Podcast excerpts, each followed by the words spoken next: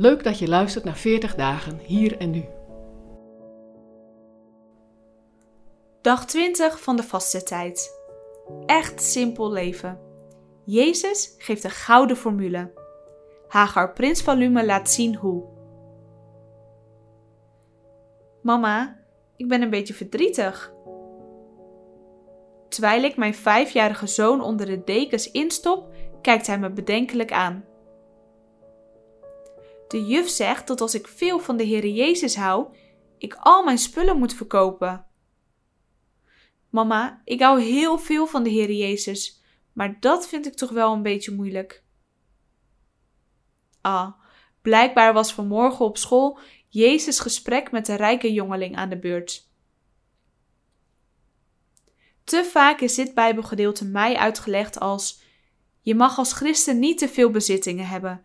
Je moet simpel en eenvoudig leven. Maar ik geloof dat je daarmee voorbij gaat aan de kern van wat Jezus ons hier wil leren. Wat mij altijd zo fascineert aan Jezus is dat hij de mensen doorziet. En dat is ook precies wat hier gebeurt.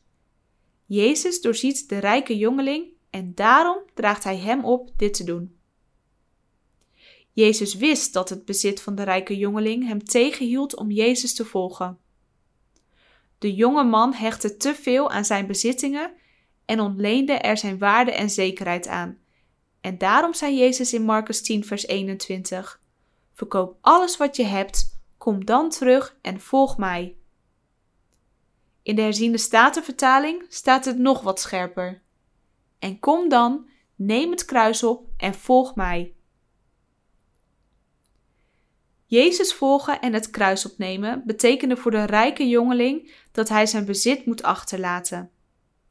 Niet omdat Jezus vond dat een man geen spullen mocht hebben, maar omdat hij haar fijn aanvoelde dat dit tussen hen instaat. Met zijn oproep zegt Jezus eigenlijk tegen de jonge man: Ontleen jouw waarde en zekerheid niet aan jouw bezit, maar aan mij. Het is de gouden formule voor een echt simpel leven. En tegelijkertijd super confronterend. Jezus houdt met zijn opdracht niet alleen de rijke jonge jongelingen spiegel voor, maar ook jou en mij. De Bijbel leert ons dat we allemaal ons kruis moeten opnemen als we Jezus willen volgen. In Marcus 8, vers 34 lezen we: Laat wie achter mij aan wil komen zichzelf verloochenen, zijn kruis opnemen en mij volgen.